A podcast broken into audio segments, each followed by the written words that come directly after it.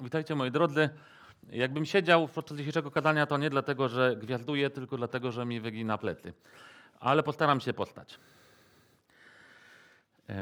Kiedy przygotowywałem to kadanie, na razie niech tutaj, dobra, dziękuję.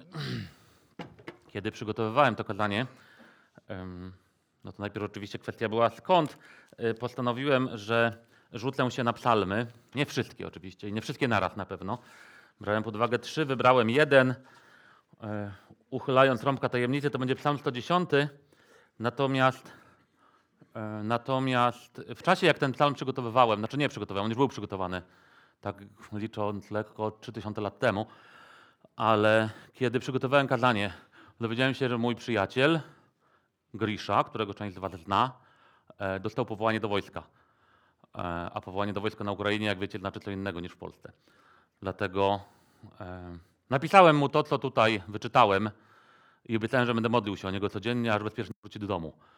I o to będę też chciał prosić Was, byście też o niego się modlili i o wszystkich naszych przyjaciół, którzy, e, którzy tam są i o rodziny tych, których nie wrócili, E, bo takich też mamy. E, Natomiast ten psalm okazuje się, no tydzień temu nie wiedziałem, że będę go przygotowywał, bo jeszcze nie wiedziałem, co będę robił. Myślałem, że może będę kontynuował pierwszy list do Koryntian, ale okazuje się, że zakładam, że Bóg wiedział i dlatego wrzucił mnie na ten właśnie tekst.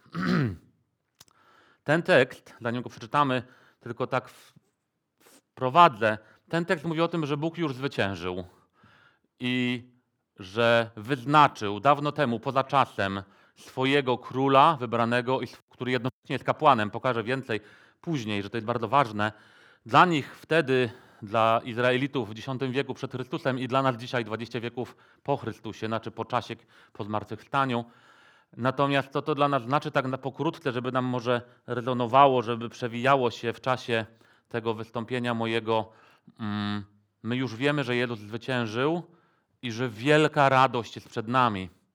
Ale to nie oznacza, że w międzyczasie nie będą się działy rzeczy, które będą nas martwić i które będą nas dołować i przez które przechodźmy z tą wizją, że Jezus już zwyciężył. Radość przyjdzie, gdy będzie jej czas.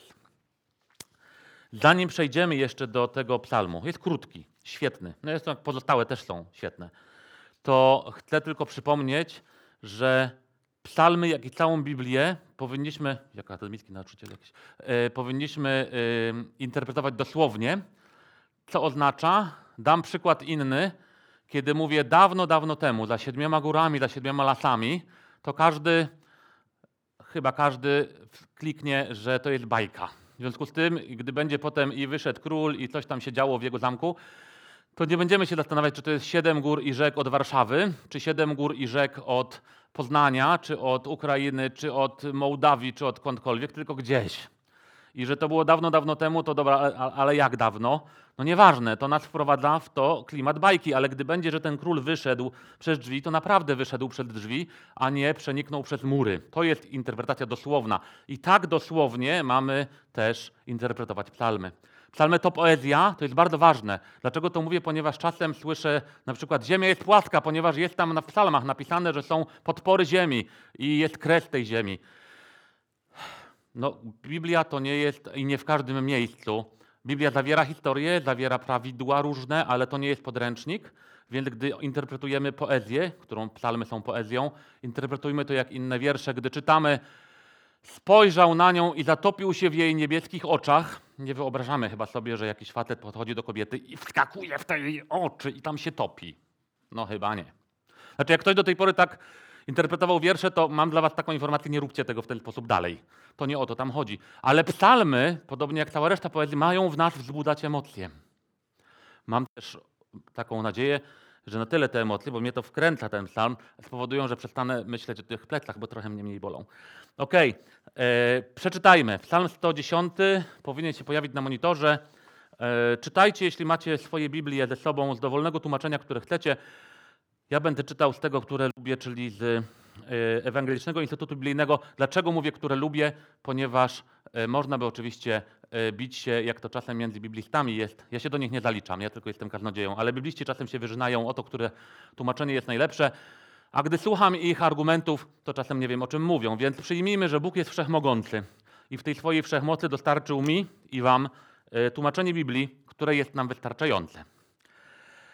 Psalm koronacyjny 110, psalm Dawida.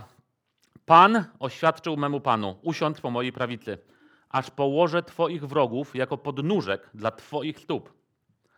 Pan ześle z Syjonu berło Twojej potęgi, zapanuj zatem pośród swoich wrogów.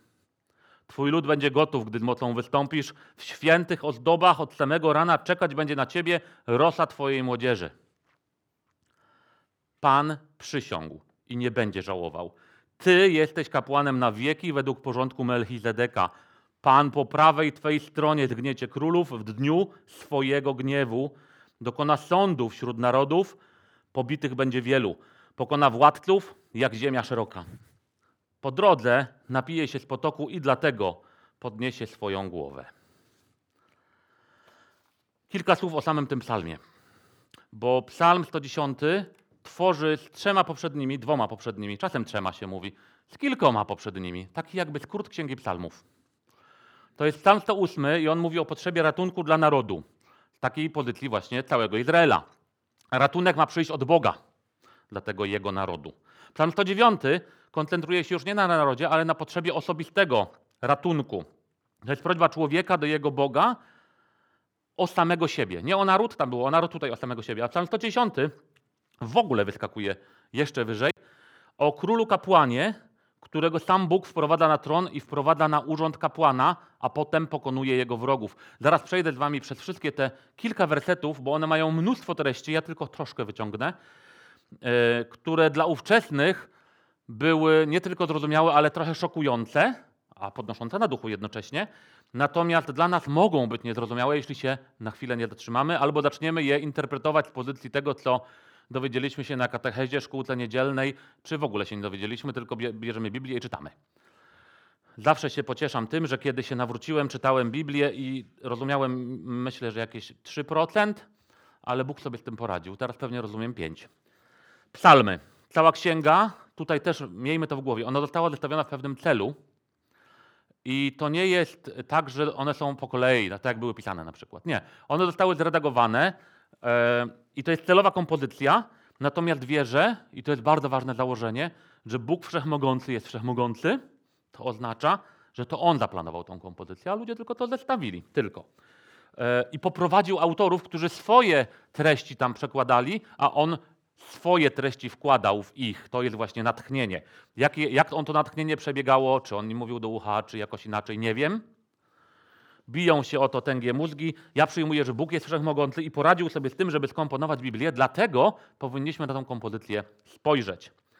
I tak jak mówiłem, ważne jest to, że to jest poezja, to nie jest podręcznik historii, to czyli psalmy, to nie jest podręcznik biologii czy geografii, to nie jest księga prawa, chociaż występują tam odwołania do prawa i do innych obszarów niepoetyckich, bo poezja tak ma po prostu. Poezja ma poruszać nas, ale to, że to jest poezja, to podkreślam, psalmy to nie jest tylko poezja, to jest Boże Słowo i nie wolno nam tego lekceważyć. A lekceważeniem byłoby branie tego Bożego Słowa i byle jaka interpretacja. Dlatego interpretujmy, tak jak powiedziałem wcześniej, dosłownie tam, gdzie one wzywają do dosłownej interpretacji. Bo Biblia czasem mówi, Jezus w tym celował, że mówił historie, które mówił, no a teraz powiem wam podobieństwo. No to jak podobieństwo? No to podobieństwo, czyli będzie coś podobnego, coś, co nam wyjaśni. A tutaj jest psalm, tu jest wiersz, tu jest rysowanie słowami i te obrazy są najważniejsze. Obrazy mają wzbudzać emocje i emocje mają prowadzić do większego zaufania Bogu. Na różnych, w różne sposoby to zaufanie oczywiście. E, dobra. I przy, przyjrzyjmy się teraz jeszcze, zerknijmy sobie na ten psalm, jakbyśmy mogli go wyświetlić. Jeśli się mieści na całym ekranie, znaczy cały na ekranie byłoby super nie mieścić. No ale dobra, okej, okay. to i tak będę leciał po, po, po, po wierszach. E, ta struktura, która tu jest, on, to jest tak, jed, pierwsze trzy wersy to jest takie właśnie e, wprowadzenie postaci króla. Po, popatrzmy na chwilę na ten psalm, jakby to był wiersz w szkole. Najpierw jest trzy wersety w, w, w, mówią o tym, że jest król. Zaraz pójdziemy po tym wolniej jeszcze. Potem czwarty werset to jest petarda. A mianowicie ten król staje się kapłanem i to w bardzo niezwykły sposób, na, na bardzo niezwykłą mod, modłę. A 5 i 7 to jest wyjaśnienie, co z tego wynika. Czyli pierwsze trzy wersy to jest obietnica, zapowiedź wybranego Mesjasza, byśmy powiedzieli. Oni też by wtedy powiedzieli Mesjasza, bo Mesjasz to znaczy wybrany. E, Mesjasz, który jest dla ludu, dla tego, których królem jest Mesjasz. To jest ważne. Nie dla wszystkich, tylko dla tych, których on jest królem. Bo przypominam, w tym, w tym, w tym psalmie występują przynajmniej dwie grupy ludzi.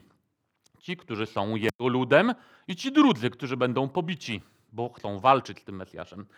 Centralny punkt psalmu to jest główna myśl, bardzo ważny, to jest moment połączenia urzędów króla i urzędu kapłana. To jest coś wyjątkowego w czasach Starego Testamentu i coś, czego oczekujemy w czasach Nowego Testamentu, ale my już wiemy, że tym królem kapłanem jest Jezus. Tu nie ma co czekać na wielkie odkrycie. Wielkie odkrycie będzie, mam nadzieję, w innym miejscu. I 7, 5 i 7 to są obrazy Bożego zwycięstwa, a przez to, że to jest Boże zwycięstwo, zaraz to będę jeszcze raz podkreślał, to jest zwycięstwo Mesjasza oczekiwanego. Cały czas miejmy w głowie, że patrzymy z punktu widzenia ludzi 3000 lat temu, przed narodzeniem Chrystusa. Yy, I to ważne, Bóg, Jahwe, Pan oświadcza, obiecuje, wyznacza, walczy, zwycięża, bo jest niepokonany, a przez to Jego król jest niepokonany. A przez to ci, którzy nie są w Jego ludzie, są pokonani. Przejdźmy bardziej tak, jak tutaj jest, po kolei zatrzymujmy się w pewnych momentach. Chcę tylko podkreślić, że e, w tym psalmie jest mnóstwo e, symboliki. Nie będę wszystkiego omawiał, bo to jest chyba nawet poza moim zasięgiem, ale przede wszystkim poza zasięgiem czasu też naszego spotkania dzisiaj. Natomiast będę wyciągał coś, co jest super ważne do zrozumienia super ważnego przesłania tego psalmu. Początek. Pan oświadczył memu panu, i gdybyśmy tylko tak to podali, jak tutaj jest w tym tłumaczeniu, zobaczcie, pan jakiemuś panu, z dużych liter, ważni ci panowie są na pewno, ale kto jest kim? My musimy zobaczyć, przede wszystkim samo to oświadczył, to jest, o super, y, to jest y, wskazanie, że to nie jest jakaś tam rozmowa swobodna, tylko to jest uroczyste oświadczenie, oficjalna forma. Kto do kogo mówi, kto o tym pisze? Skoro Dawid jest autorem tego psalmu, no to nie pisze tego na własną koronację, no nie? Prawdopodobnie pisał to pod koniec życia, być może na koronację któregoś ze swoich następców, na przykład Salomona, ale nie wiemy o tym. E, wiemy, że co się stało dalej, i to wiemy, co się stało, Dawid tego nie wiedział, wiemy, co się stało dalej i z Salomonem, i z tym, który chciał być przed Salomonem królem zaraz po Dawidzie. Jak kogoś to interesuje, odsyłam do księgi Samuela. E, ale wiemy też, co stało się dużo później, czyli z Jezusem. Jak przyszedł, został królem, ale w inny sposób.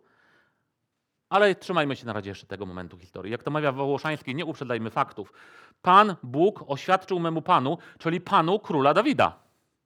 Dawid pisze o kimś większym od siebie. I to w Nowym Testamencie jest zresztą ten psalm przywoływany, że Dawid pisze przecież większym od siebie, nie o sobie. A więc chodzi o kogoś wielkiego, większego. My wiemy o kogo, oni jeszcze nie. Ale to, że oni jeszcze nie, też będzie nam pomocne przy interpretacji tego psalmu. Usiądź po mojej prawicy, aż położę wrogów jako podnóżek dla twych stóp. Oba te sformułowania, usiądź po mojej prawicy i ten podnóżek, pokazują, że chodzi o kogoś jeszcze większego niż zwykły król przy całej niezwykłości ówczesnych królów, którzy byli królami absolutnymi. Decydowali o życiu i śmierci swoich poddanych. W świetle Starego Testamentu te sformułowania zwykle oznaczały oczekiwanego Mesjasza. Czyli dla nich w Starym Testamencie jeszcze zawsze mówimy, że to jest psalm mesjański, ale bo tego, bo my wiemy więcej niż oni, że potem przyszedł Jezus.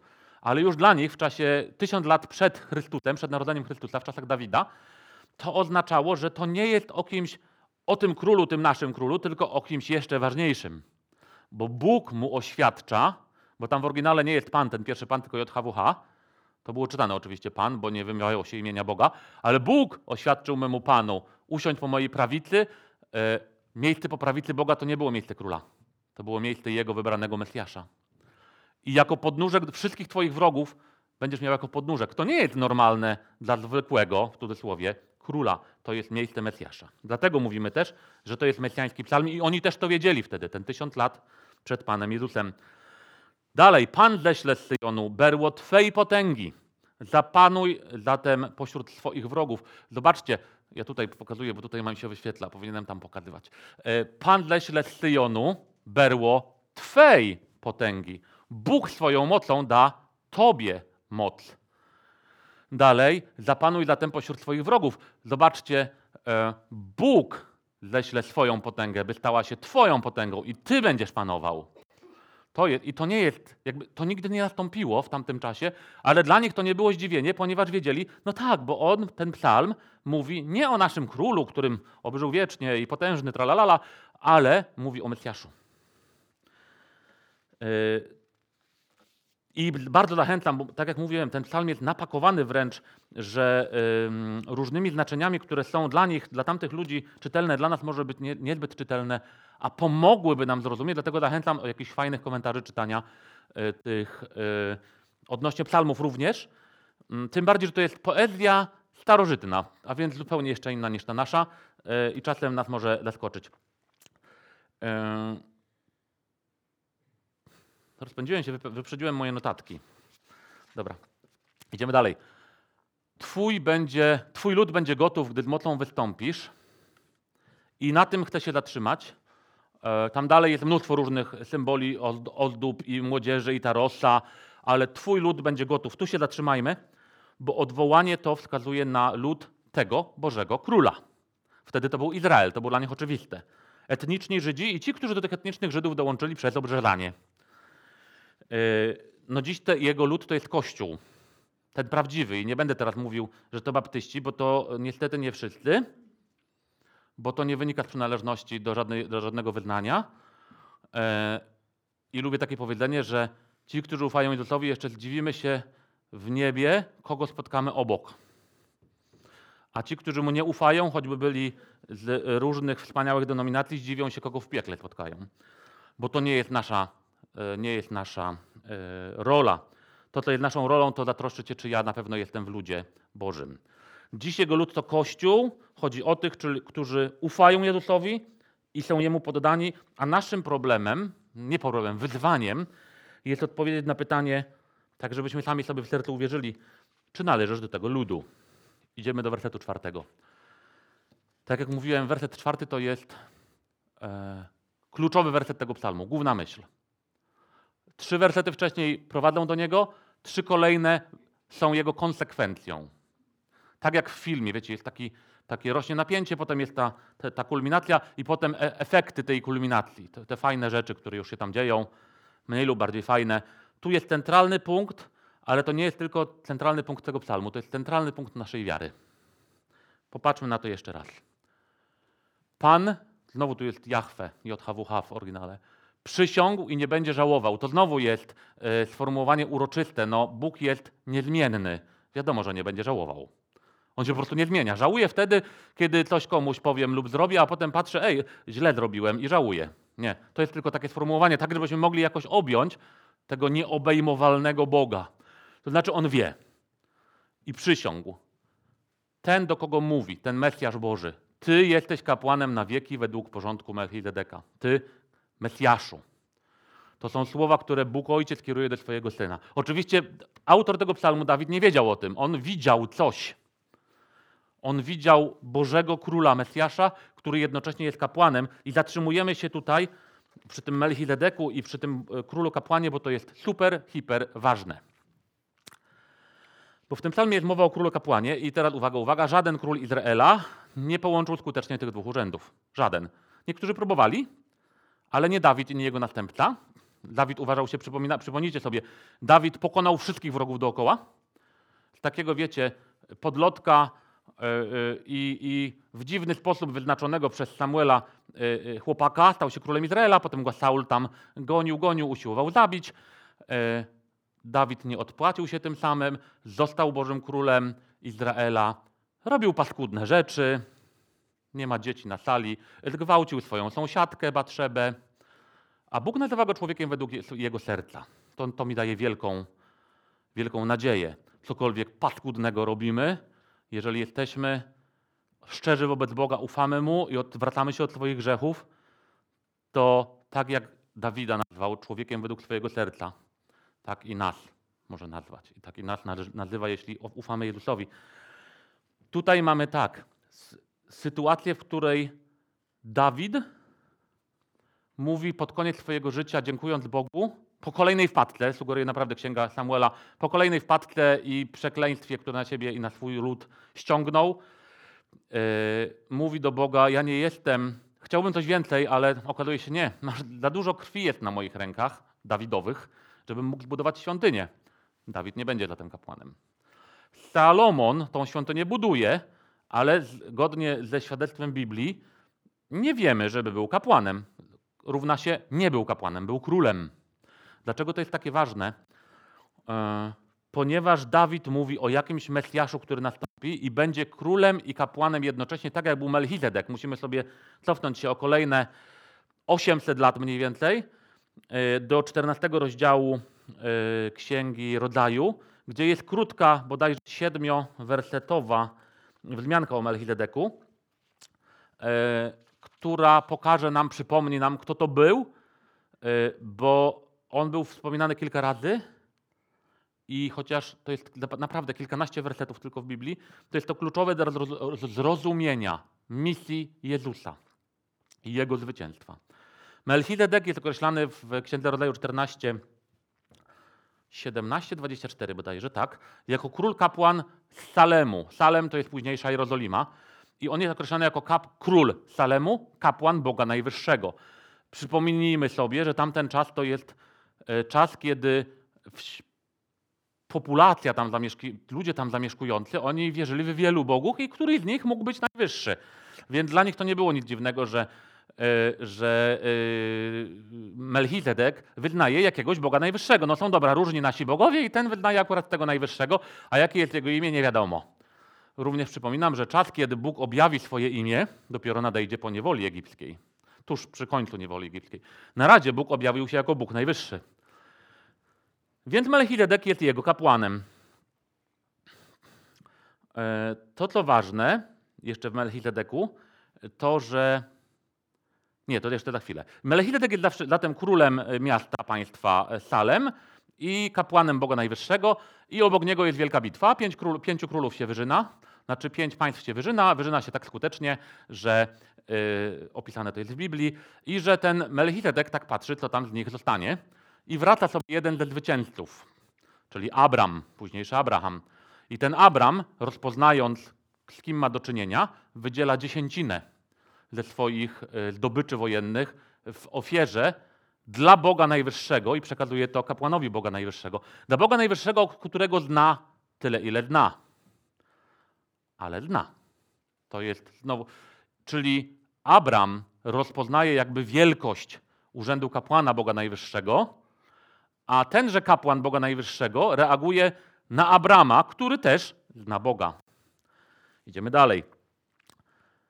Do najważniejszej rzeczy w kwestii, e, w kwestii Melchizedeka. I ta najważniejsza część, najważniejsza e, kwestia odnośnie Melchizedeka wcale nie jest w Księdze Rodzaju, nie jest w ogóle w Starym Testamencie, jest w Nowym Testamencie, w Hebrajczyków. W siódmym rozdziale Hebrajczyków, listu do Hebrajczyków, e, w wersetach 1-3 wspomniany jest Melchizedek, znaczy nie wspomniany od 5 do 7 rozdziału, ale tam wspomina się Melchizedeka jako zapowiedź Jezusa, jako zapowiedź króla kapłana i podkreśla się nieważność jego rodowodu. Autor listu do Hebrajczyków pisze o Melchizedeku bez matki, bez ojca, bez rodowodu, bez początku. I zestawmy to teraz z Ewangeliami, gdzie u Mateusza i Łukasza mamy rodowód Jezusa. Bardzo ważny dla Żydów pokazujący jego królewskie pochodzenie. Ewangelia Mateusza cała jest o tym, że Jezus jest królem, Mesjaszem. I zaczyna się od yy, rodowodu. Tymczasem autor listu do Hebrajczyków mówi wprost już, jakby odcinając się, choć sam będąc Żydem, najprawdopodobniej, yy, odcina się od tego bez rodowodu, tak jak Melchizedek. On po prostu był kapłanem Boga Najwyższego. Kogo obchodzi, skąd on się wziął? To Bóg uznał jego kapłaństwo. I skoro Przypominam, kapłanami mogli być, dlaczego to jest ważne, mówię w kwestii Jezusa, bo kapłanami mogli być tylko członkowie y, y, rodu Arona. Tak mówi doskonałe Boże prawo. Boże prawo nie przestało być w ciągu wieków mniej doskonałe. Tylko w ciągu wieków Bóg pokazał, że rolą Jego prawa było pokazanie nam, ludziom, naszej niewystarczającej, to, że jesteśmy niewystarczający, pokazanie nam naszej grzeszności i skierowanie nas do Jezusa, który jest jedynym rozwiązaniem. I autor listu do Hebrajczyków wierzy, że skoro to jest Boże Słowo, to jest pod Bożym natchnieniem, pokazuje, to nieważne, że Jezus pochodzi z innego, z innego rodu. Przecież tak było zresztą w, w, w licznych zapowiedziach przyjścia Jezusa, przyjścia Mesjasza. On nie będzie z rodu Arona, on będzie z królewskiego rodu. Jest królem zatem, dziedzicem królewskiego rodu i jednocześnie kapłanem, tak jak Melchizedek, bo Melchizedek też nie, po, nie potrzebował mieć jakiegokolwiek królewskiego potomka. Nic nie wiemy o jego potomkach. I tutaj bardzo mocno wbija do głowy ówczesnym Hebrajczykom, autor listu do Hebrajczyków, że ten jedyny, najdoskonalszy król, najdoskonalszy kapłan jest bez rodowodu kapłańskiego. I czytamy o Chrystusie, że On jest kapłanem na wzór Melchizedeka, a dwa tysiąc, nie, a tysiąc lat wcześniej czytamy właśnie w tym psalmie o kapłanie, który, o królu, który jest kapłanem. I dlaczego to jest takie ważne i dlaczego tak to miele? Ponieważ zgodnie z tymi słowami, zgodnie ze słowami tego psalmu, odsyłającymi nas do Melchizedeka, o którym nie wiemy, a o którym jest napisane, że bez końca, bez początku, bez rodowodu, i na podstawie Nowego Testamentu, gdzie jest, y, czyli listu do Hebrajczyków, to kapłaństwo. I tylko to kapłaństwo, nie to Aaronowe, tylko, tylko, tylko i tylko to kapłaństwo na wzór Melchizedeka, którego najlepszym i jedynym przedstawicielem jest Jezus Chrystus, jest wieczne. I tym się odróżnia od kapłaństwa jakiegokolwiek innego. I jeszcze jednym. Jest też królem. Dlaczego to jest ważne? Zaraz spróbuję to wyjaśnić, ale to, co na teraz, Dawid nie znał tego króla i jego oczekiwał, a my go znamy. Jezusa. I co z tym zrobimy, to już jest nasza odpowiedzialność oczywiście.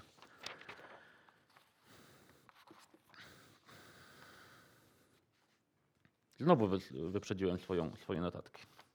Dobrze. E, idźmy dalej. Na razie tu zostawiamy. Pamiętajmy tylko, Jezus jest obiecanym tutaj, w 110 psalmie, królem kapłanem na wieki, bez konieczności odwoływania się do e, autorytetu swoich przodków, bo on nie ma ludzkich przodków. On jest Bogiem. Idziemy dalej. 5-7. Krótko tylko. 5-7 to jest jakby efekt. Tutaj można by dalej ciągnąć, bo jest mnóstwo obrazów. Zacznę od ostatniego. Tutaj się w ogóle y, bibliści kłócą i dajmy mi się kłócić, są mądrzejsi niż ja. Y, z tym po drodze napiję się z potoku, dlatego podniesie swoją głowę, ale w ogóle o co chodzi? Może o Gideona, kiedy jego ludzie y, pili z potoku i tylko tych, tylko część, którzy pili w określony sposób, Bóg powiedział Gedeonowi, tych zostaw, a resztę odeślij do domu, żeby już nikt nie miał wątpliwości, że ta armia, która idzie z tobą jest po prostu do niczego i taka mała i to będzie moje zwycięstwo. A być może jest to odniesienie na przykład do y, konkretnego potoku, który jest w Jerozolimie, y, który podczas koronacji tam się zatrzymywał przyszły król, przyszły czy aktualny.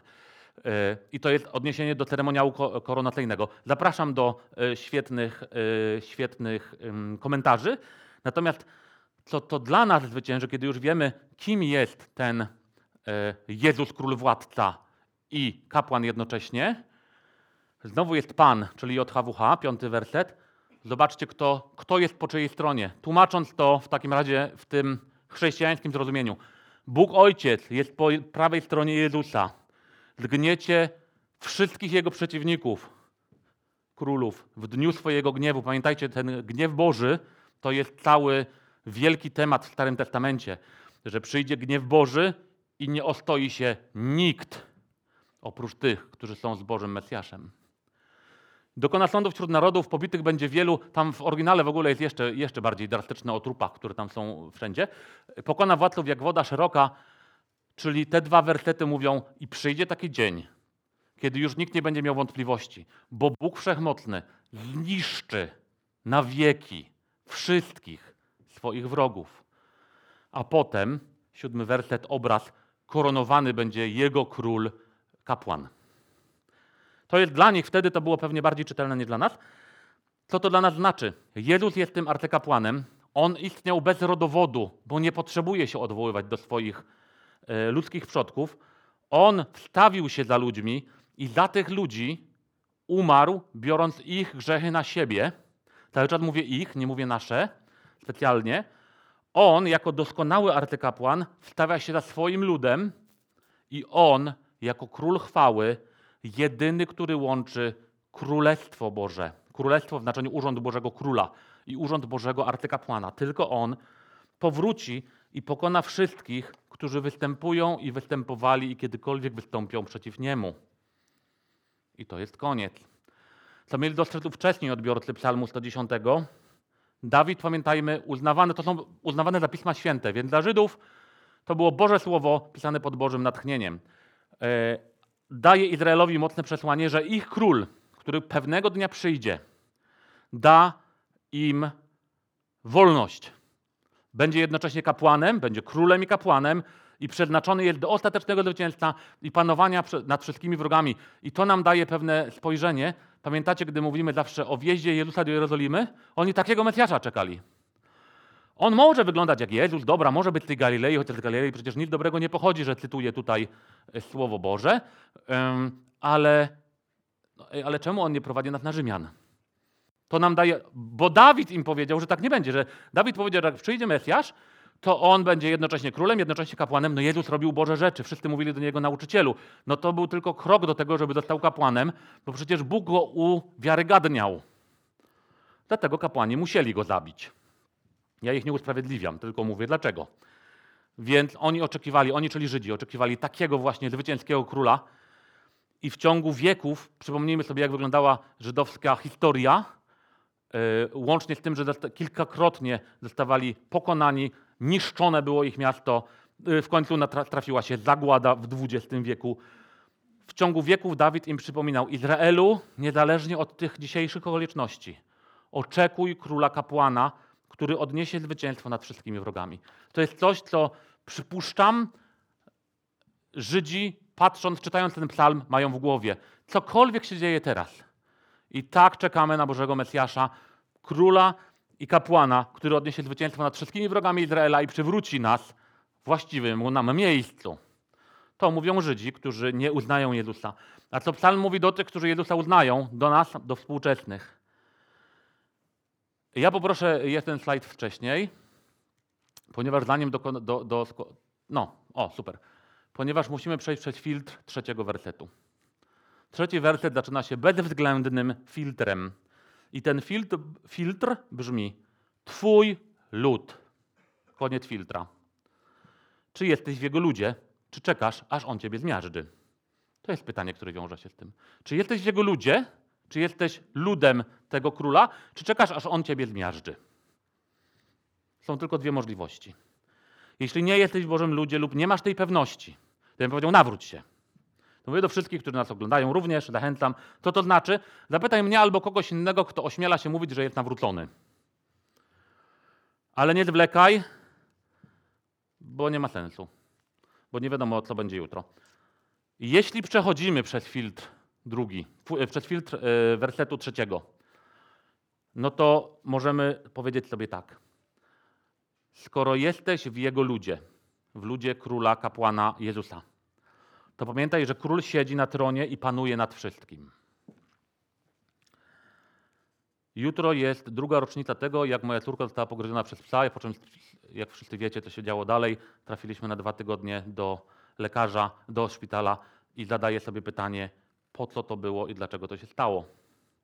Tak jak mówiłem, mój przyjaciel, jeden z moich przyjaciół zginął na Ukrainie, drugi z moich przyjaciół dostał powołanie. Mam nadzieję, że będziemy wspólnie świętować zwycięstwo któregoś dnia. Ale Bóg cały czas nad tym panuje. Powiem więcej, to też o tym wiecie. Y, kiedy pierwszy raz oczekiwaliśmy na dziecko, to, to, to, było to to samo, co wielu, wiele z Was y, też przez to przechodziło. Nasza pierwsza ciąża zakończyła się poronieniem. Dlaczego? Nie wiemy. Ale Bóg cały czas zwycięża. Wiemy o tym i On zwycięży ostatecznie.